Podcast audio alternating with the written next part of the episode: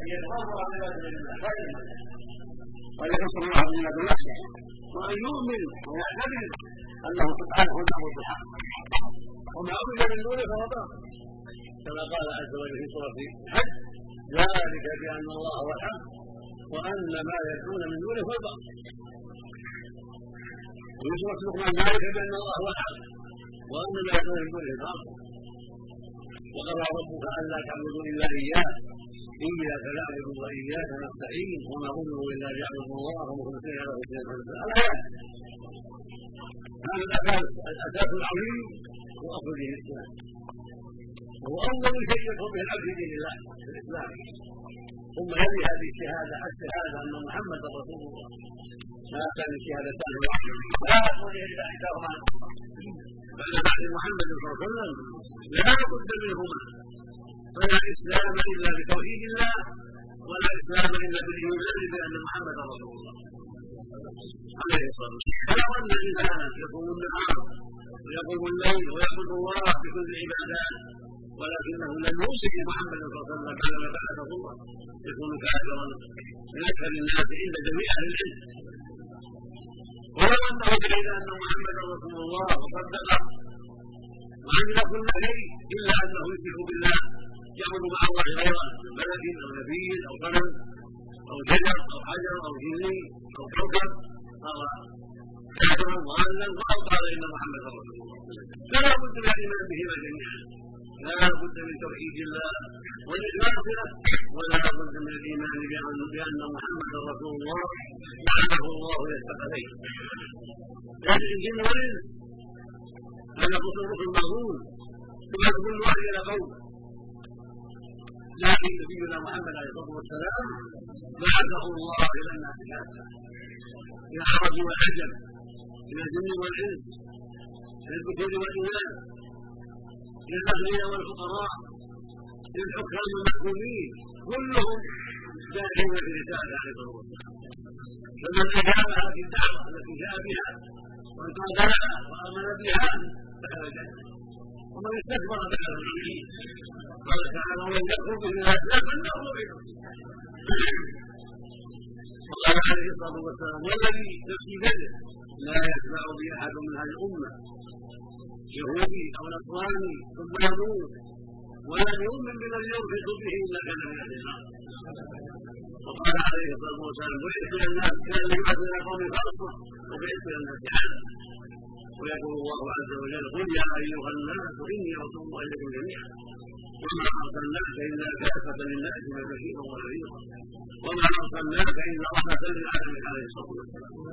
ثم بعد هذه الرساله بينهم الصلاه هي التي تنجح في هذه الرسالة. يقول الاعظم بعد هذه الرسالة. الصلاة اقام الصلاة. من حفظها حفظ دينه من ضيعها فهو لما سوى مسلم ومسلم احمد روى الامام احمد في مسنده باسناد جيد عن عبد الله بن عبد العاص رضي الله عنهما. عن النبي صلى الله عليه وسلم انه نادى الصلاه يوما بين الأصحاب. فقال من حافظ عليها كانت له نورا وبرهانا ونجاة يوم القيامة. ومن لم يحافظ عليها لم له نور ولا برهان ولا نجاة. وقد كان الرجال مع فرعون وهامان وقارون وغيرهم قال بعض الائمه في هذا انما يحشر من اضاع الصلاه مع هؤلاء الصناديق الكفره مع هؤلاء الاحياء فرعون وهامان وقارون وبلاد شبههم والقوم والانسان مع من شاء والظلم واشواكهم لاتباعهم الوضاء فمن كانت همته في الرياضه حتى تحقق الصلاة حكم لها فرعون لأن فرعون حمله ما هو فيه من الملك على التحقق وعدم اجابه موسى عليه الصلاة والسلام. فصار من اشياء الله من اشياء الذين ذهبوا بالحساب وصاروا إلى النار قتلوا على فرعون اشد على فرعون وما حمله. وفيها وزارته على التخلف أن الصلاة صار كبيرا بها ماء وفيه فرعون تذكر معه يوم القيامه فإن تركها لاجل المال والشهوات والنعم ساد الطاعون رزقه الله المال العظيم فاستكبر وانطلق حتى كتب الله به الأرض ورجاله فيكون شبيها به يذكر معه يوم القيامة. أما ان شغله عن الصلاة وعن حق الله شغله عن ذلك البيع والشراء. والمعاملات والمكاتب الدنيويه فانه يكون شبيها بامي بن خلف هذه أهل مكه فاكثر معه إلى النار صلى الله عليه وسلم والمقصود مثل ما سمعته في الحمراء حر صلاه عظيم وقد صح عن رسول الله عليه الصلاه والسلام قال راس الامر الاسلام وعموده الصلاه وزينة كلامه الجهاد في سبيل الله وقال عليه الصلاه والسلام العهد الذي بيننا وبينهم الصلاه فمن تركها فقد كفر أخرجه الإمام أحمد وأبو داوود والترمذي والنسائي وابن ماجه بإسناد صحيح عن هريرة رضي الله عنه وخرج مسلم في صحيح عن جابر رضي الله عنه عن النبي صلى الله عليه وسلم قال بين الرجل وبين الكفر والشرك هذا أمر عظيم وخطير جدا إذا نظرنا في حال الناس اليوم ولا حول ولا قوة إلا بالله. كثره المتحلفين والمتساهلين. لا تحصوا من ليس بيتكي هذا ايثم الذي يتخلف عن الصلاة وقد يكون المخرج يتخلف عن الصلاة. ويكون الزوج لا يصلي ويسكر أيضا مع ذلك. هذا عظيم ولا حول ولا قوة إلا بالله. الله جل وعلا النعم وانكر الخيرات ولكن ابن آدم مثل ما قال الله جل وعلا إن الانسان لا يرضى الله وسلم ألف الله النعم ووسع الخير فقبله قبل أن تجر من الناس بالابدان وكفرانه وبالله الواجب هذا. والواجب التبليغ. كل إنسان يبلغ من حوله ويجتهد في بذل الدعوة وبذل التوجيه لمن حوله من المتخلفين من المتكافلين من المقصرين على الله يأتيهم باسبابه كان الذي يقول هو بلغ الشاهد الغائب رب مبلغ أو على لسانه وقد ذهب جمع من العلم إلى أن من تركها تحاولا وإلا يجعل وجوبها كفر. لهذه الآية التي سمعتم الآيات ولو قال إنه لا يمكنها ولو قال إنه يعلم وجوبها إذا تركها تعاونا فقد تلاعب بها الأمر ظاهر إذا قال ربه مكة عظيما فيكفر بذلك. يوم الأجل إن الرسول عليه الصلاة والسلام قال العهد بيننا الصلاة.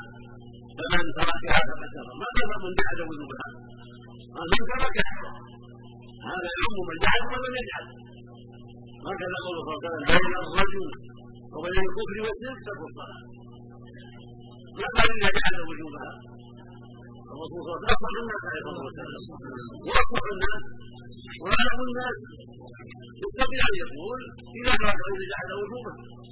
يمنعه من هذه الكلمة التي تبين الحكم وقد اطلق عليه الصلاه والسلام وقال العهد من بيننا وبينهم الصلاه من تركها فدل ذلك على ان مجرد الترك والتعمد لهذا الواجب العظيم يكون كفرا مستقيما نسال الله واذا كان أهل الاسلام نعوذ بالله من ولا يجوز المراه بعد ذلك مسلمه ان تبقى معه حتى يرجع إلى الله ويتوب اليه قال عبد الله بن سعيد الخير التابعي الجليل رحمه الله. كان اصحاب النبي صلى الله عليه لا يرون شيئا من الاعمال غير الصلاه ذكر انهم يجمعون على ان الصلاه ولم يقولوا بشرط بشرط أن ينكر وجوبها ويجعل وجوبها. أما من قال انها غير واجبة هذا مطلق. هذا عند الجميع. عند جميع أهل العلم. إذا قال انها غير واجبة فقد كفر عند جميع أهل العلم. وان صلى وان صلى مع متى جحد الوجوب كفر اجماعا نسال وهكذا لو جحد وجوب الزكاة أو وجوب صوم رمضان أو جحد وجوب الحج مع الاستطاعة كفر اجماعا نسال وهكذا لو قال الزنا حلال أو الخمر حلال أو اللباس حلال أو العقوق حلال أو الربا حلال كفر اجماع المسلمين نسال الله لأن يتعلم عظمه الله. لكن الكلام فيما إذا تركها ترك الصلاه ولا يقول ولا يجحد الوجوب مع ان كثيرا من هؤلاء العامه لا يفرقون بين الوجوب وعدم الوجوب انما دعوهم التساهل والغفله والاعراض وقله الله لا يهمهم فيه وربما استهزا بها وربما استهزا بالمصلين أيضا وهذا كفر مستقل الاستهزاء بالصلاه كفر مستقل اجماع المسلمين استهداف المصلين والصلاه صرف مستقل نسال الله تعالى قال جل وعلا قل بالله وآياته ورسوله كنتم تستهزئون. لا تعتذروا قد كفرتم بعد فالمجتهد في الدين في الصلاه في الزكاه في الصيام في الحج في الجنه في النار في الرسول في الله هذا عندك يبدا النبي صلى الله. عليه كفر اكبر من واجب الاسلام نسال الله. ثم من واجباتها العظيمة. الاداء على الجماعه حضور مع المصلين كما سمعتم المحاضره الحضور مع إخوانه في مساجد الله بدون الله هذا لازم وبهذا يكون مخالفا للمنافقين بعيدا عن المنافقين. فالمنافق صار في لحظه الله في لحظه إن خاف يقبل له وأن يغادر شيء حرام. وإن امن ان لا يقبل له كالفجر والكفاء حسن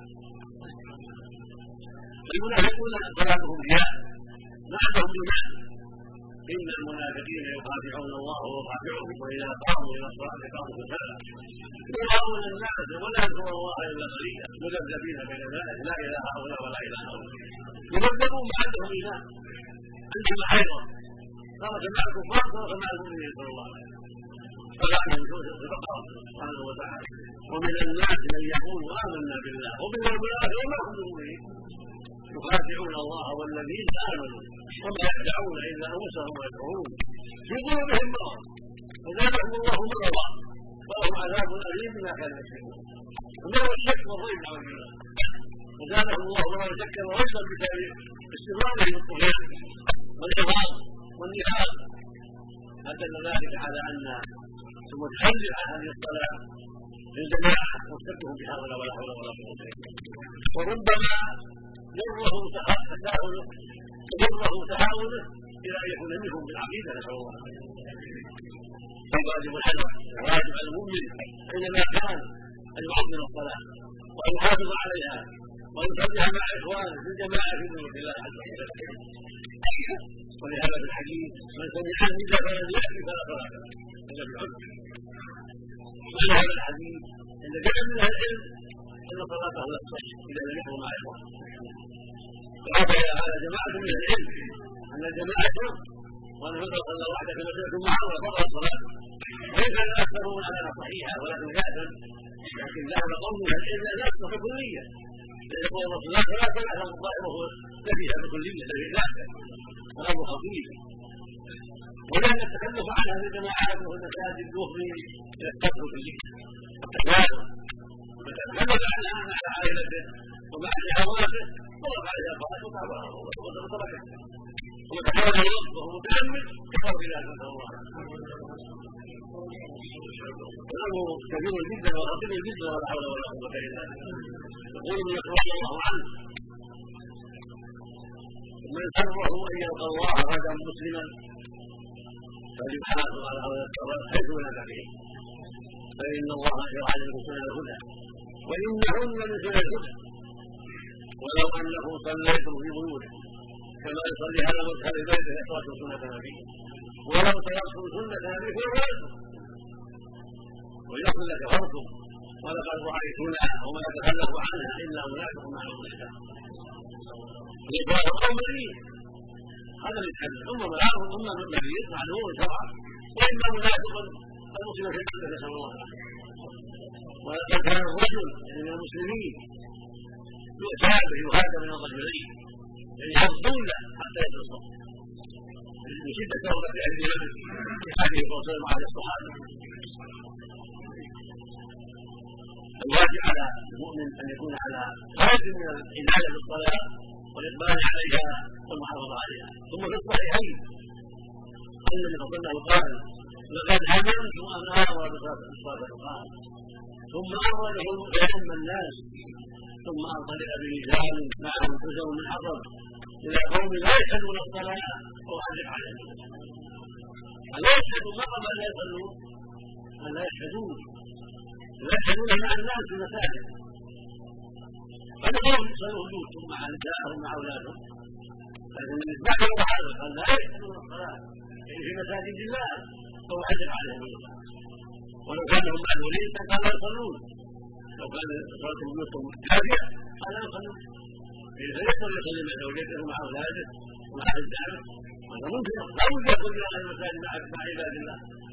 ولهذا قال لا يصلى لا يشهدون الصلاة. هو حدث عن النبي وروي عنه عليه السلام قال لولا ما في البيوت من النساء والذريه الله عليهم المقصود أن هذا يبين عظم الامر ثم الله يقول جل وعلا وأقيموا الصلاة وآتوا الزكاة واركعوا مع الراكعين واقيموا الصلاه هذا أمر باقامتها والحفاظ عليها ولذلك ثم قال واركعوا مع الراكعين. أمر بعد أمر يصلوا مع المصلين.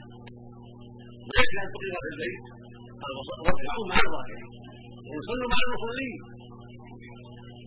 وهو الامر عند مقابلة الكفار وعند مقابلة الجيش الجيش.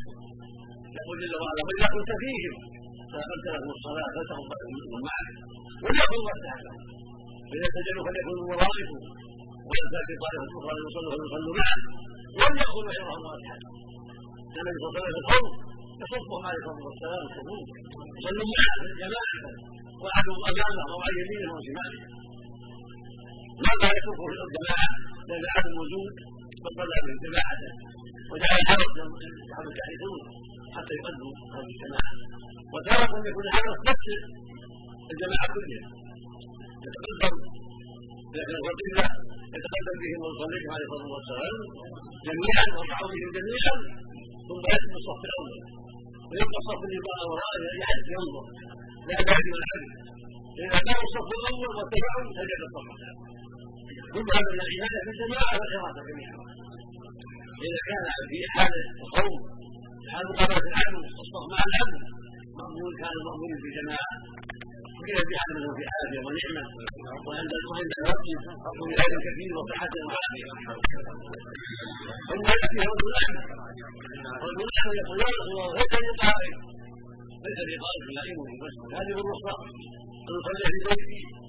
فيقول له لا تتبعني الا بالصلاه قال نعم فلا الحج ويرضى لا يملك رخصه عند قائد يحافظ عليه ويقول أنا باجل يعني لا طريق سر المسجد ويقول لا رخصه فهذا اعمى شافع الدار يدعو غيره لا يملك فيؤمر بالحضور ويصلي مع الناس فكيف في حال من اعطاه الله واعطاه الصحه والبصر